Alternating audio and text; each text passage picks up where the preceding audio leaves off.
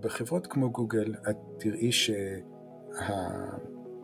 האורבנית של המעצב הגאון שיושב ובא עם איזשהו רעיון לא קיימת. זה, זה לגמרי צוותים של האנשים הכי מוכשרים בעולם שעובדים ביחד ומנסים לבוא עם משהו. Press the radio button. היי, hey, אתם על פרק נוסף של רדיו בטן, פודקאסט שמדבר על עיצוב חוויית משתמש. אני יולי תאשר והיום אני סופר שמחה לארח כאן את איתי וונשק. אה, איתי הוא היום מוביל את אה, צוות אה, העיצוב וה product של Material Design. הוא כבר מעצב מעל 20 שנה ומשלב בין טכנולוגיה ל user needs. הוא גם לפני כן היה VP באינטל והוביל קבוצה בפייסבוק ו... והיום הוא מנהל בגוגל. אז היי איתי. שלום שלום. מאיפה הכל התחיל? איך הגעת לעיצוב? אך, אה, כמו רוב הדברים, בטעות, אה, אה, בצבא.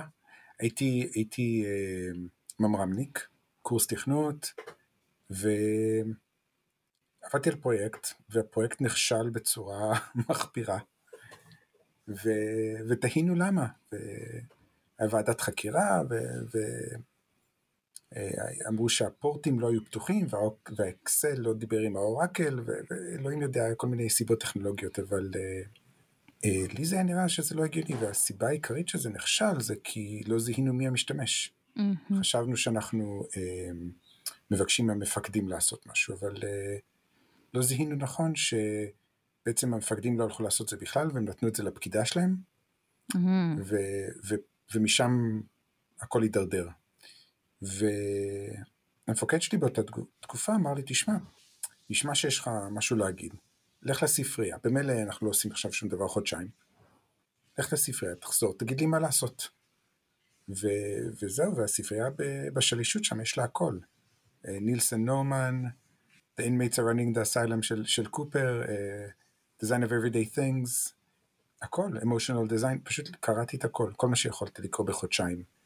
אה, ויצאתי משם עם, אה, עם ההתחלה של אה, אוקיי, יש, יש עולם אחר ש, שהוא מסתכל על המערכת בצורה יותר שלמה מאשר רק על, ה, על הדאטה ועל האלגוריתמים, אלא גם על המשתמש. זהו, ואחרי זה, כשעזבתי את הצבא, הצטרפתי לחברת עיצוב קטנה, שהייתה עוד ממש מהחברות המקוריות שהיו בארץ, ושם עבדתי בפעם הראשונה על מוצר קונסיומרי. וזהו, וזה זה חיידק שלא עוזב אותך. אולי זה לא הדבר הנכון להגיד כשיש אה, פנדמיק עולמי, אבל, אה, אבל זה משהו, ברגע שאתה, אנשים שנחשפים לקונסיומר ו, ונדלקים מזה, זהו, אי אפשר, אה, אי אפשר ללכת לשום מקום אחר.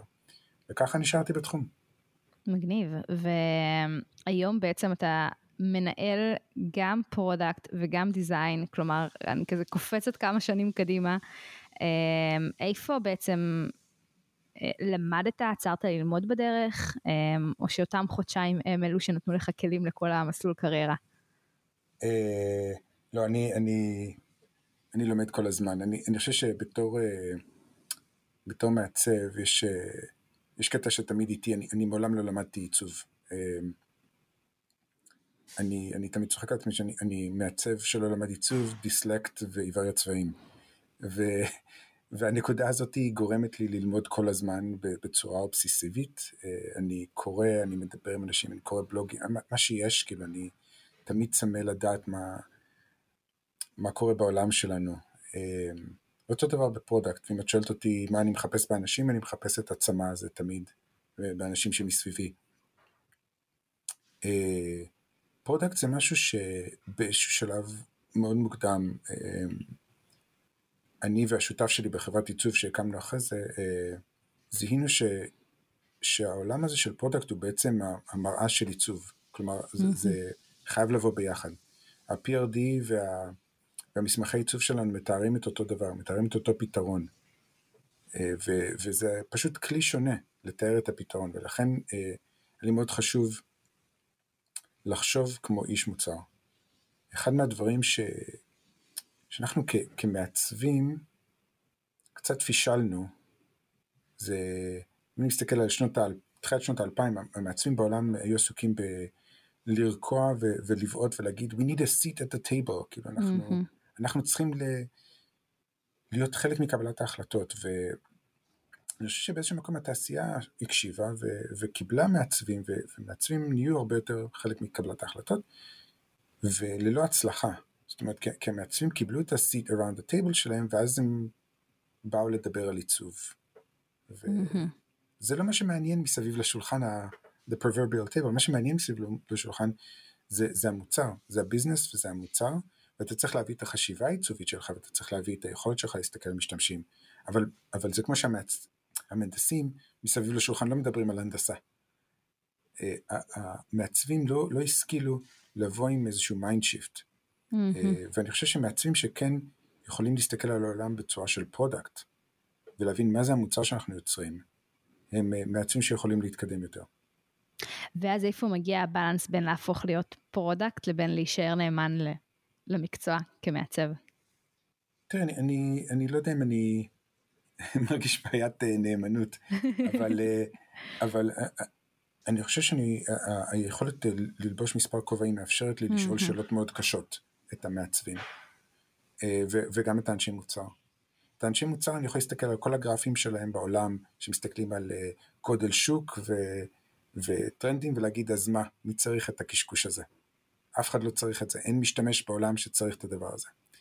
אה, ולא משנה, לא מעניין אותי מה, מה הגרפים אומרים, כי אני יכול לחשוב כמו משתמש. ו, ואנשי, ו, ו, ואותנו, את המעצבים, מה שמאוד קל לי לעשות, זה לשאול, אוקיי, אבל אני מבין שזה עוזר למשתמש, אבל איך זה יחזיק לנו מוצר? איך אפשר לבנות מזה מוצר שהוא self-sustained, שהוא ביזנס? Mm-hmm. כי, כי לפתור בעיות למשתמש זה אחלה, אני... אנחנו כולנו יכולים לעשות את זה, אבל לא תמיד אפשר ליצור מזה value. אה, ו... והיכולת הזאת היא לאזן ולחפש את המקומות שיש לנו גם דרך ליצור, אה, ליצור value אמיתי וגם לפתור בעיה אמיתית של משתמשים היא חלק מה שאני לפחות נהנה לעשות. Mm-hmm. ולפני שהייתה על הכובע של המנהל שהיום מסתכל על הכל באמת מלמעלה, אמ, אתה זוכר את עצמך כמעצב, איך, איך באמת יצרת לעצמך את ה... את ה vision שלך, כאילו, איך סללת לעצמך את הדרך שלך כמעצב, איך שילבת באמת בין, ה, ה... שני התפקידים האלה, של מצד אחד לחשוב על המשתמשים, מצד אחד לחשוב על המוצר. אני חושב שהיכולת אה, שלך כ... כמעצב לבוא עם רעיון שהוא שלם, שהוא באמת נטוע ב, כמובן בצרכים של משתמשים, אבל גם הנה ככה אנחנו יוצרים מזה mm-hmm, business, mm-hmm. זה, זה יתרון תחרותי, ולמה אני חושב שהיתרון התחרותי הזה, אה, הוא אפשר להגן עליו, אה, מאפשר לך ל- להיות advocate בתוך ארגון של רעיון טוב, וזה כל מה, ש, זה מה שגורם לך לגדול, אתה בא עם, אתה בא עם איזשהו רעיון, והרעיון הזה לא משנה אם מגיע מהעיצוב או מה product או מה engineering, אם הרעיון טוב, אם הרעיון אה, יוצר איזשהו, מקבל איזשהו traction בתוך הארגון, אתה, אתה יכול לגדול איתו. Mm-hmm. ואנשים בסך הכל מחפשים את זה, בתוך ארגונים מחפשים את האנשים שיכולים לחבר דברים, של להביא קבוצות שונות ביחד, של לחשוב מכמה כיוונים. ו, וזה בסופו של דבר אה, מה שאותי תמיד עניין לעשות, וזה איכשהו מסתדר לאנשים, אז אתה מקבל עוד ועוד אחריות ככה. Mm-hmm. כאילו לחשוב, לחשוב על, על, על, על אותו פתרון מכיוונים שונים. כן, או לחשוב להביא רעיון, אולי אני אנסה לחפש איזושהי דוגמה. אמ, מה שאני רואה שמעצבים לפעמים מגיעים איתו זה איזשהו פתרון של הנה אנחנו יכולים לעבוד עכשיו ארבעה חודשים ולפתור בעיה למשתמשים. אבל לא בהכרח שאפשר לבצע עם זה משהו. זה, זה, ש, זה שנפתור את הבעיה הזאת הספציפית הזאת למשתמש, זה לא אומר שזאת הבעיה הכי חשובה למשתמש, זה לא אומר שאנחנו יכולים ליצור ערך לא רק לבעלי המניות שלנו, ליצור ערך מהמוצר. לפעמים נכון. הפתרונות שלנו mm-hmm. הם, הם נחמדים, אבל אין להם המשך. מה שאני אה, אוהב אצל אנשים שיכולים ל... להסתכל על כמה כיוונים, זה שהם יכולים להביא עוד איזשהו ערך נוסף. נפתור את זה למשתמשים, וגם התוכנה שלנו נהיית יותר טובה, או יותר מהירה, או שאנחנו יכולים ליצור פה איזשהו יתרון תחרותי, וזה משהו שאי אפשר לחכות, או שאנחנו יכולים לחבר את זה לקמפיין פרסומי וליצור איזשהו באז, וכך הלאה וכך הלאה. היכולת לחשוב על, ה, על פתרונות ובעיות מכמה כיוונים היא בעיניי קריטית.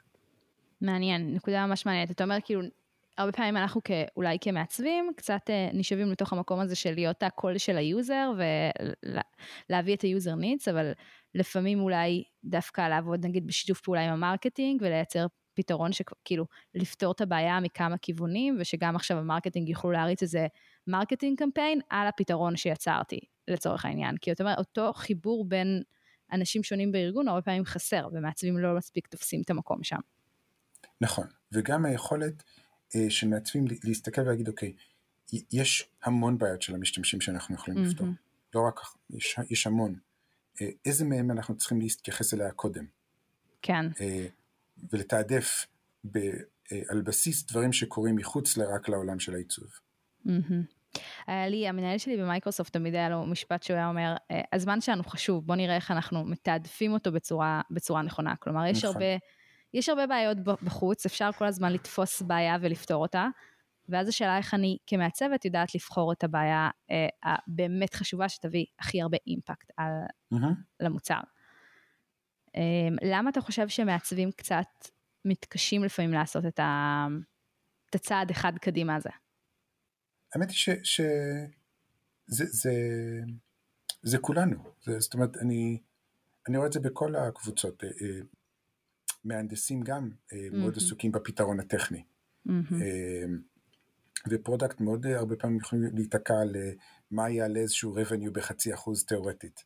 זאת אומרת, כולנו, כולנו הם כאלה. ואני חושב שברגע שיש איזושהי אה, התמקצעות יתר ב, ב, בחלק אחד, אה, זה לא טוב. Mm-hmm. אה, ו, ואם, האמת היא שאני חושב שלמעצבים מתוך כל הקבוצות האלה, אה, יותר קל אפילו להסתכל על דברים הוליסטית, אנחנו, זה מה שאנחנו לומדים לעשות. Mm-hmm. אה, אז בסך הכל אני חושב שיש למעצבים פה יתרון, פשוט צריך לזכור לעשות את זה. נקודה מעניינת. אמ, אז בוא נחזור קצת, נדבר על, ה, על המסלול קריירה שלך. סיפרת שהיית mm-hmm. באיזשהו um, סטודיו לעיצוב כזה, uh, נכון? כן, אז אני, uh, אחרי הצבא הצטרפתי לחברת עיצוב. Uh, שם למדתי המון, היה צוות מדהים, שם גם פגשתי את השותף שלי לימים uh, בחברת עיצוב שלנו. משם, אבל uh, קודם עברתי לעבוד באמבלייז של אלי רייפמן המטורפת. הכנו עשינו טלפונים וכל מיני דברים ש, שרק אה, יותר הדליק אותי על העולם הזה של consumer. אה, ואיך נגיד, ת, תן דוגמה של אחד המוצרים שבעצם עבדת עליהם. זה הטלפונים? כן, בתקופה אה, היה, מה זה היה? זה היה אלפא סל פי שמונה, זה היה איזה טלפון הישראלי הראשון, או משהו מצחיק כזה. אני זוכר שפעם ראשונה ראיתי את ה prototype ואמרו לי, הנה יש, יש מצלמה בטלפון, אמרתי, אה, מי צריך את זה? כן, זה, זה, זה תמיד אה, תזכורת אה, שאני לא תמיד צודק. אז איך באמת כשהתחלת, הגעת לשם והתחלת לעבוד על מוצר שאתה לא למדת, מגיע, כאילו, איך הגעת אז ופתרת בעיות ובעצם יצרת, יצרת מוצר? אה, אמ, קודם כל אתה עובד כחלק מצוות, זה, זה תמיד היה המזל שלי. כשהצטרפתי בזמנו לחברת העיצוב, הפרמטר הראשון שלי היה עם מי אני הולך לעבוד, ממי אני יכול ללמוד.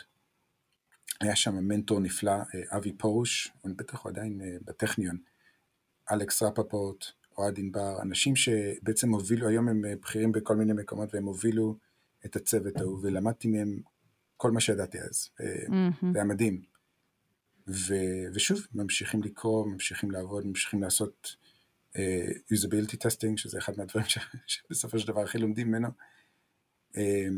ואתה בא עם רקע, אנשים, אנשים תמיד שואלים אותי איזה רקע צריך לבוא לעיצוב, ואני אני צוחק על כל דבר שהוא לא עיצוב. אנשים שבאו שם מפסיכולוגיה קוגניטיבית, אנשים באו כמוני מהנדסה, אתה מגיע מאיזשהו איזשהו background שצובע את, ה, את העולם שלך, אתה מסתכל על דברים מאיזושהי זווית. אז אני למשל מאוד הסתכלתי על איך לעזאזל הולכים לבנות את זה. Mm-hmm. אני תמיד האמנתי שהכלים שניתן למפתחים הם אלה שישפיעו על איך זה ייראה בסוף. כי אני מכיר איך תוכנה נבנית, אני מבין את העולם הזה. יש אנשים שהגיעו מכיוון של, של פסיכולוגיה קוגניטיבית והם תמיד הסתכלו על איך לעזאזל אנשים יבינו את זה.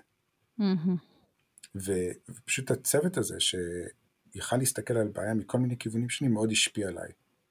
אה, ואז כשאתה מגיע לי לפתור בעיות שהן שלך, אה, דבר ראשון שאני מסתכל עליו, אוקיי, מי הצוות שלי? איך אני בונה mm-hmm. את ה-diverse um, set of people כאילו מסביבי.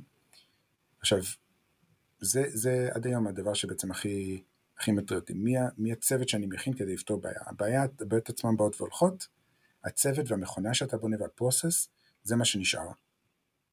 זהו, זה ככה, ככה החשיבה שלי היום uh, עובדת. מקווה שזה מה שיש.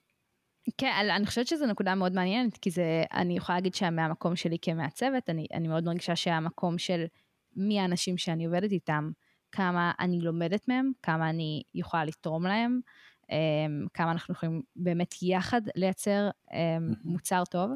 Um, זה, זה, זה, זה המפתח, uh, זה המפתח להצליח, בסופו של דבר העבודת צוות הזו. אז דווקא מעניין לרגע לקפוץ שנייה לפרספקטיבה שלך כמישהו שבונה את הצוותים האלה ושנייה להבין איך אתה באמת יודע לבחור את האנשים הנכונים, איך אתה יודע להרכיב צוותים שהם יהיו הם, כאלה שיוכלו לרוץ קדימה. אמ, כן, זאת שאלה מצוינת. אני חושב שיש עולמות שונים. אני, אני כרגע מאוד uh, ספציפית, בשנים האחרונות גוגל ופייסבוק זה עולם uh, מאוד ספציפי של, uh, של hiring practices. ו... ואם אני, אני רגע מתנתק, כי, הרבה, כי הרבה מאוד מהשאלות האלה שפחות מגיעות אליי, אנשים רוצים לדעת איך אני מתקבל לגוגל בתור. מעצב. זה כאילו קצת side, side show לגבי מה שאני, חשוב לי. Um, כשאת, כשאת מדברת עם אנשים ש, שבאים להתראיין, אתה יכול בתכלס להסתכל על היכולות האינהרנטיות שלהם, אוקיי? אתה יכול להסתכל על, ה, על ה-disposition שלהם, על מה, מה, מי הם, מי האנשים האלה, מה הם מנסים לעשות, איך הם, איך הם מסתכלים על העולם, ואתה יכול להסתכל על הניסיון שלהם, experience. כאילו, האם כבר עשית את זה? האם, האם כבר הצבת מוצר דומה, האם הצבת אתר דומה, האם, האם הסתכלת על הבעיה הזאת? אמ, ויש איזה קידוש ש, ש, של הטאלנט. Mm-hmm. אנשים מחפשים את הטאלנט, את ה-inherit ability ש, של אנשים ל, ל, ל, כאילו לצייר, כאילו אנחנו אומנים. אמ, ואחרי זה מסתכלים קצת על, אה, אוקיי, האם יש לו את הניסיון? אה, אני עם השנים למדתי שהדבר היחידי שאני לא יכול ללמד אה, אותך זה את ה-disposition. אני, אני, אני יכול, experience בא, יהיה, mm-hmm. יהיה לך את ה-experience. אמ, את ה... את ה הטאלנט, כמובן שצריך אנשים ש, ש, שמוכשרים, אבל קידוש הטאלנט מסתבר כ, כאיזשהו פלאסי, כאיזשהו משהו שלא תמיד אה, שווה להשקיע בו, כי אנשים, את יכולה לבנות אותם, הם יכולים לגדול, הם יכולים ללמוד עוד דברים. מה שאני לא יודע ללמד, זה לגרום למישהו להיות סקרן, לגרום mm-hmm. למישהו לעבוד טוב בצוות, לגרום למישהו לדעת להקשיב, או אה, לפתוח את הבוקר בלקרוא בלוגים ו, ולראות מה קורה בעולם. זה לא הצלחתי. Mm-hmm. אז ה, ה, הפרמטר שלי הוא קודם כל לחפש את האנשים הרעבים, אנשים שלא לא, לא בהכרח רעבים להצליח, פשוט רעבים לידע, רעבים לפגוש משתמשים, רעבים לפתור בעיות, איזשהו passion, איזשהו אה, משהו שמניע אותם, שגורם להם להיות אמיצים יותר. Mm-hmm. המעצבים הקבועים, המעצבים שהלכו בתלם כל הזמן, אה, נוטים לפחד, הם נוטים לא לרצות לפתור משהו עד שה research לא יגיד להם בדיוק איך לעשות את זה, או לא, לא להביע את דעתם לגבי priority עד שה product לא יגיד להם מה צריך לעשות. ו- וזה נורא קשה לעבוד ככה וזה נורא קשה אה, להתרומם. אה, ואני מעדיף, אני מעדיף קצת, אה, קצת להגיע למצב שיש לי צוות של misfits, או צוות של אנשים שלא בהכרח אה, יש להם את כל שנות הניסיון שצריך, או את כל הדברים ברזומה, אבל איזשהו רעב ושאני יודע כל אחד מה, מה הרעב הספציפי שלו. אה, ואז אני יודע לתפעל את האנשים, אני יודע אה, איך לתת להם מוטיבציה, ו- ואני גם יודע שאם אני לא מסתכל רגע ואני חוזר אחרי שבוע, הם יעשו משהו, כי יש להם אה, איזושהי מוטיבציה פנימית, שאני לא יכול לעצור אותה. אז ככה, ככה אני מסתכל על הצוותים שלי, זה מה שמעניין אותי. הסתכלות מדהימה, אני למדת גם פסיכולוגיה על הדרך? לא. לא לזהות, אני אומרת, אני חושבת שלזהות, כשאתה מראיין אנשים, לזהות בדיוק כל אחד מה מניע אותו, ושדרך זה ייווצר צוות שבאמת נע קדימה, אני חושבת שזו הסתכלות מדהימה בעיניי. אני, אני עושה אופטימיזציה לכיף הפרטי שלי בעבודה, זה מה שקורה פה. ומאוד קל לזהות בסך הכל אנשים שיש להם איזשהו drive אינהרנטי.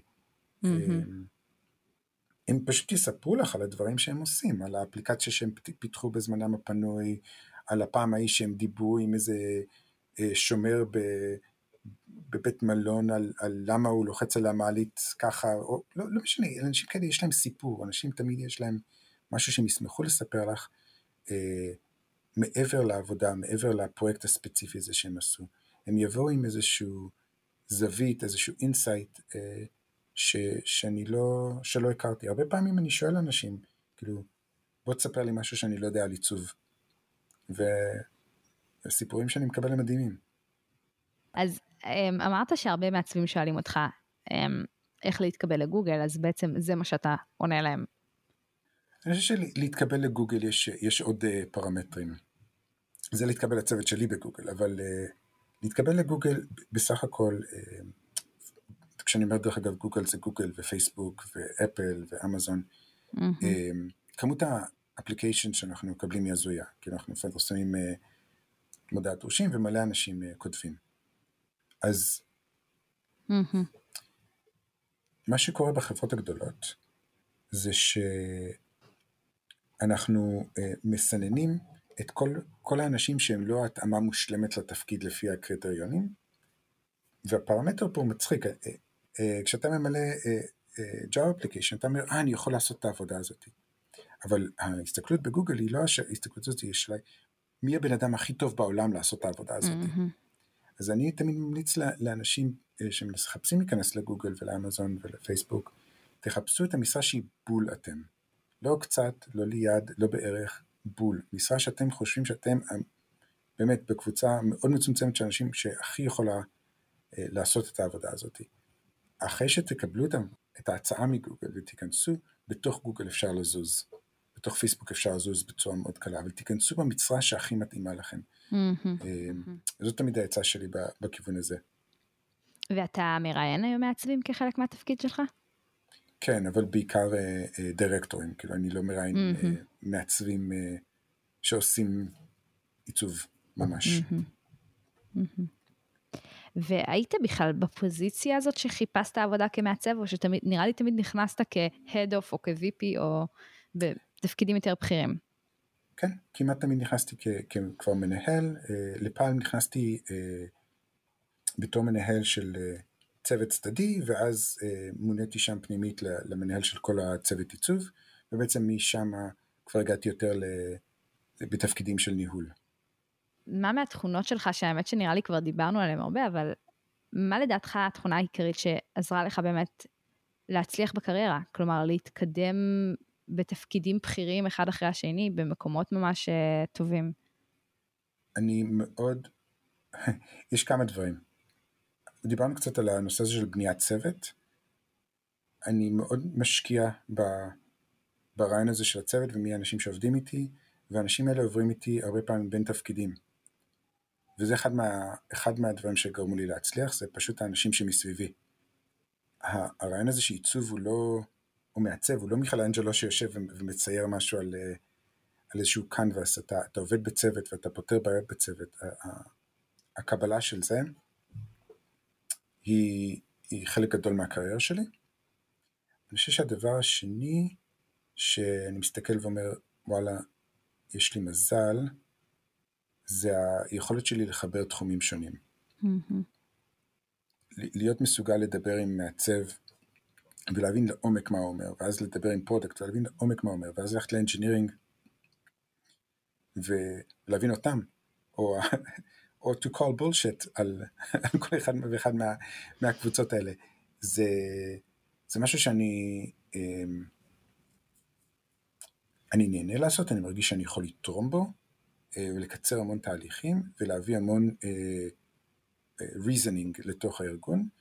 אני חושב שזה אה, משהו שמאוד תרם לי. אנשים אחרים שאני רואה שעושים את אותו הדבר, הם גם הם באים מאיזשהו רקע שהוא טיפה יותר רחב מעיצוב. שוב, אנשים שבאים mm-hmm. מפסיכולוגיה קוגניטיבית, לדוגמה, יכולים לבוא וממש לשאול שאלות אה, מאוד עמוקות, אה, קבוצות שונות. אה, וגם בכלל, אנשים של, אפילו שלא מגיעים מרקעים אחרים, אני מאוד ממליץ להשקיע בלהבין בדיוק מה ה product עושה ולמה הם עושים את זה, או בדיוק איך המה, המהנדסים עובדים, ומה זה אומר לכתוב קוד, ולא ליתן לדברים האלה להיות, אל תהיו חלק מווטרפאל, אל תחכו ל, לקבל איזשהו PRD, תעשו את החלק שלכם, תעבירו את זה למהנדסים, אני חושב שזה מאוד קשה אה, לתת value שהוא מעבר לתפקיד שלך, אם אתה מסתכל על התפקיד שלך כחלק מאיזשהו מפעל, שאתה מקבל את הדבר שלך, עושה עליו כמה דברים ומעביר אותו הלאה. וכשאתה מסתכל על, על מעצבים היום, או כש, גם אם אתה לא מראיין בצורה ישירה, איזה תכונה לדעתך חסרה היום למעצבים, שתגרום להם באמת אה, להתקדם? אומץ. אם הייתי צריך לבחור תכונה אחת, זה האומץ, זה מה שדיברנו על זה קצת אולי קודם,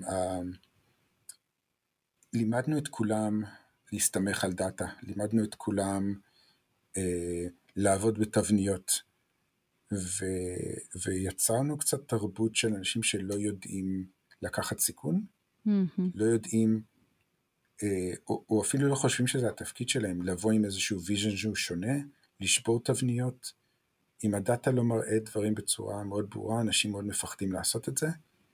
אה, ברמה ש, שלפעמים אנשים יודעים מה צריך לעשות, רק הם לא יודעים איך להביא את הדאטה הנכון, אז הם לא עושים את זה. אה, אני חושב שחסר לנו היום בתעשייה אומץ או חוצפה, איזשהו, איזשהו אה, oomph, אה, אם את שואלת אותי. וזה ספציפית למעצבים או שגם יכול להיות שזה נכון ל product, נכון ל engineers? אה, אני רואה את זה ספציפית אצל מעצבים, mm-hmm. כי יותר קל לראות את זה שם.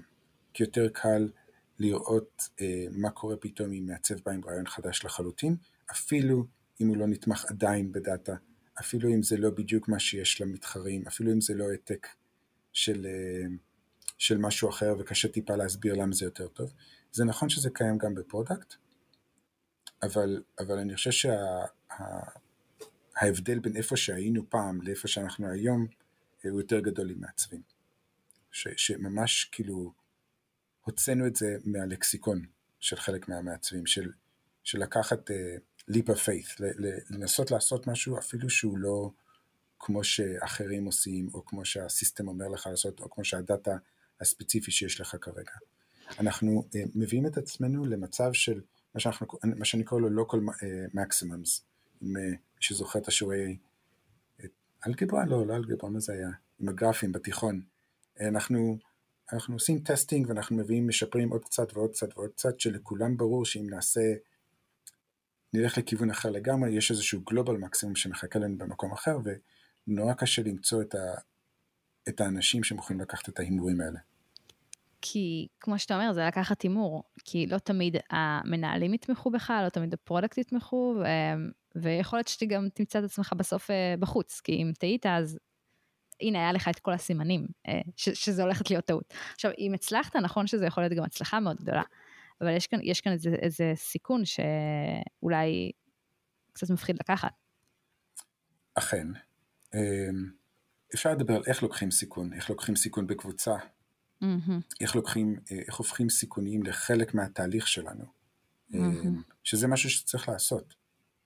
איך בונים מערכת שמוכנה לקחת סיכון, זה נושא לפרק שלם, אבל בקצרה אני אגיד שאם את מסתכלת על הממשק של יוטיוב מול הממשק של נטפליקס, שניהם חברות מדהימות, שתיהן חברות אה, ש, שיודעות להשתמש בדאטה כדי לקבל החלטות, אבל הממשקים נראים אחרת לגמרי. בתרבות של נטפליקס יש תרבות שלמה, ש, אה, או חלק שלם בתרבות, שממסגר סיכונים. Mm-hmm. איך אפשר לקחת סיכון כחברה? איך אפשר לקחת סיכון? למדוד אותו, לא, לא לעשות משהו מטופש, אבל לדעת שאנחנו יכולים לקחת סיכון. ו, ואני חושב שזה בסופו של דבר בולט בממשק, רואים שהממשק נראה אחרת. אמ, אני חושבת שזו דוגמה, אה, דוגמה מעניינת, אני גם בעיקר אוהבת את החידוד שהוספת כאן לגבי איך לקחת סיכונים מחושבים, כי אני חושבת ש... שזה, שצריך ללמוד לקחת סיכונים, כאילו פשוט לרוץ עם הבטן, אז אני לא בטוחה שזה תמיד יביא אותי למקום הנכון, אבל אולי אם אני אלמד אה, לראות איך אני כאילו מצד אחד לוקחת סיכון, אבל כן יודעת למדוד אותו אחר כך, או יודעת לחשב אותו ולהחליט מתי אני לוקחת צעד אחורה, אה, אז זה באמת יכול לתת לי את האומץ הזה גם כמעצבת, אבל מצד שני, אה, לא אומץ שהוא קצת חסר בסיס. נכון. אז בוא נעבור לדבר על, ה, על המוצר האחרון שעבדת עליו בגוגל, שזה בעצם Material You, שזה חלק מ-Material Design. איך בכלל הגעתם ל vision הזה? Material You זה, זה, זה פרויקט שאנחנו, שה Material team uh, עובד עליו ביחד עם המון צוותי עיצוב בתוך גוגל. אנחנו תמיד מנסים לדחוף את השפה העיצובית של גוגל קדימה, וכשאנחנו מסתכלים על העתיד של עיצוב, אנחנו רואים כמה טרנדים שהם מאוד חשובים לנו.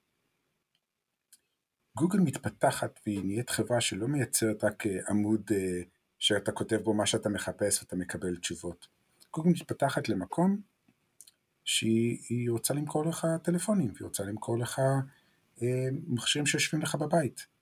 ואנחנו לא יכולים להמשיך להתייחס לעצמנו כחברת טכנולוגיה. אנחנו צריכים להתחיל לחשוב על עצמנו כחברת לייפסטייל, mm-hmm. לפחות בעיצוב. ופה נשאלת השאלה איך אנחנו מתאימים את עצמנו אליך כמשתמש. מתוך השאלות האלה אה, הגענו ביחד עם הצוות של ההארדוור להסתכל על אה, צבעוניות. ואיך אנחנו מתייחסים לצבע ולבחירות של משתמשים של צבע. וזה פתאום נהיה מאוד מעניין שעולם ההארדוור נותן לאנשים יותר ויותר choice, יותר ויותר אפשרויות בחירה, ודווקא הסופטוור שבו זה טכנית יותר קל, לא, אתה יכול או שחור או לבן, זה שתי אפשרויות שלך. וגם, וגם ה-night mode היה, ה-dark mode היה די קשה לאנשים להוציא. זה נהיה מוזר, למה? למה זה צריך להיות ככה? מטריאל היגוי הגיע מתוך ההבנה הזאת. כשהתחלנו לעבוד על זה, גילינו שיש פה בעיה, שאנחנו כמעצבים אה, מאוד רגילים לשלוט על כל פיקסל. נכון. אנחנו, אה, אנחנו, זה, זה, זה החיים שלנו, אנחנו שולטים על הפיקסל, אנחנו נביא לך את המסך הכי יפה, את החוויה הכי מושלמת שאנחנו יכולים. ופתאום, מפה Material You, הרעיון הזה, ואומר, תשמע, מעצב, אה, לא, אתה לא יכול. אתה צריך לחלוק את, ה, את האחריות שלך, את ה control שלך על הפיקסלים ביחד עם, ה, עם ה system אה, וביחד עם המשתמש. ויש פה איזשהו tension, רגע, רגע, איך אנחנו יכולים להבטיח ש accessibility אה, הוא מושלם?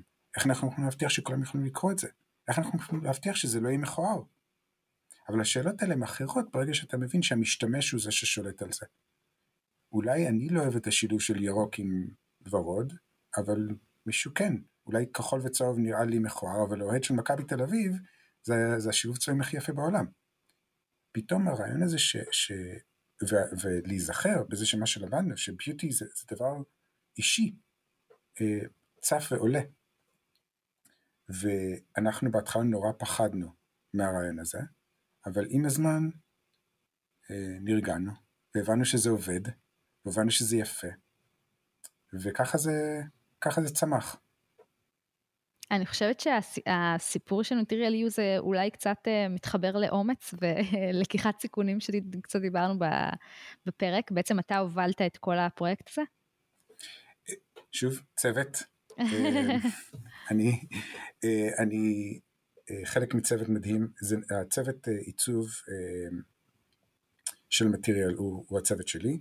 יש צוות עיצוב לאנדרואיד, ששיתפנו איתו פעולה, ואלה שני הצוותים העיקריים שעבדו על, על Material U. אה, בחברות כמו גוגל את תראי שהאגדה האורבנית של המעצב הגאון שיושב ובא עם איזשהו רעיון לא קיימת. זה, זה לגמרי צוותים של האנשים הכי מוכשרים בעולם שעובדים ביחד ומנסים לבוא עם משהו. Mm-hmm. וזה באמת באמת באמת ככה עובד, זה לא סתם, זה לא סתם שאני מצטנע, זה באמת ככה. מדהים. אז טוב, אני חושבת, איתי, באמת, שמענו הרבה הצלחות במהלך הפרק כאן היום של דברים שהעסקת. הזכרת ככה בתחילת הפרק ממש בשתי מילים, שאתה דיסלקט ועיוור צבעים, אז זה בכלל מוסיף, וזה מדהים בעיניי, וזה רק נותן, אני חושבת, לכל אחד מאיתנו את המחשבה של כמה רחוק אפשר לשאוף ואפשר להגיע, אם באמת אה, נחבר את ה passion האמיתי שלנו אה, לתחום, אה, נוסיף קצת אומץ ו- וניקח סיכונים. אני אשמח גם לסיום שאולי תשתף אותנו בחלקים בקריירה, בקריירה שלך שכן היו לך קצת יותר מאתגרים. תראי, איש, איש, כל אחד סופר את ההצלחות והכישלונות שלו בצורה אחרת. אני חושב שהחוויה שלי ב-LG הייתה חוויה מעניינת. מצד אחד, אה, הצלחנו להוציא, לעשות אה, שינוי מדהים לכל הטלוויזיות של LG במשך המון שנים. אה, WebOS הצליחה בכל העולם, זה היה אמור להיות מערכת ש, שכוונה לטלוויזיות high-end, בסופו של דבר יצא בכל הטלוויזיות של LG. במשך שש שנים ללא, ללא שינוי מהותי, וזה יכול להיחשב כהצלחה, אבל בעיניי כמנהל היה שם כישלון. שלא הצלחתי לבנות אה, משהו שנשאר אחריי. Mm-hmm. אה, נורא רציתי לבנות אה, איזשהו שינוי ארגוני או איזשהו לגאסי שהוא מעבר למוצר עצמו. כמנהל זה, זה על זה אתה נמדד, ופה אני חושב שנכשלתי בצורה די, די גורפת.